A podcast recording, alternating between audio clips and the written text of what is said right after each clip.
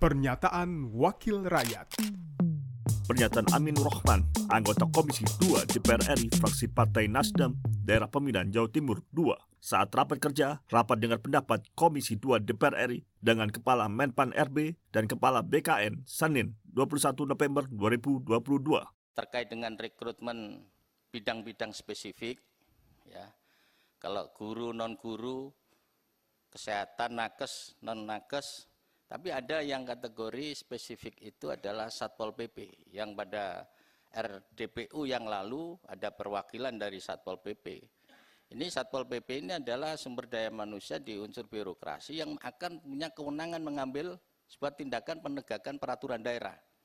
Kalau rekrutnya ini sama, rekrutmennya ini sama kualifikasinya, tentu ini akan menjadi hal yang yang dapat memberikan satu problem di kemudian hari. Kalau toh memang rekrutnya sama, butuh ada pembekalan secara khusus.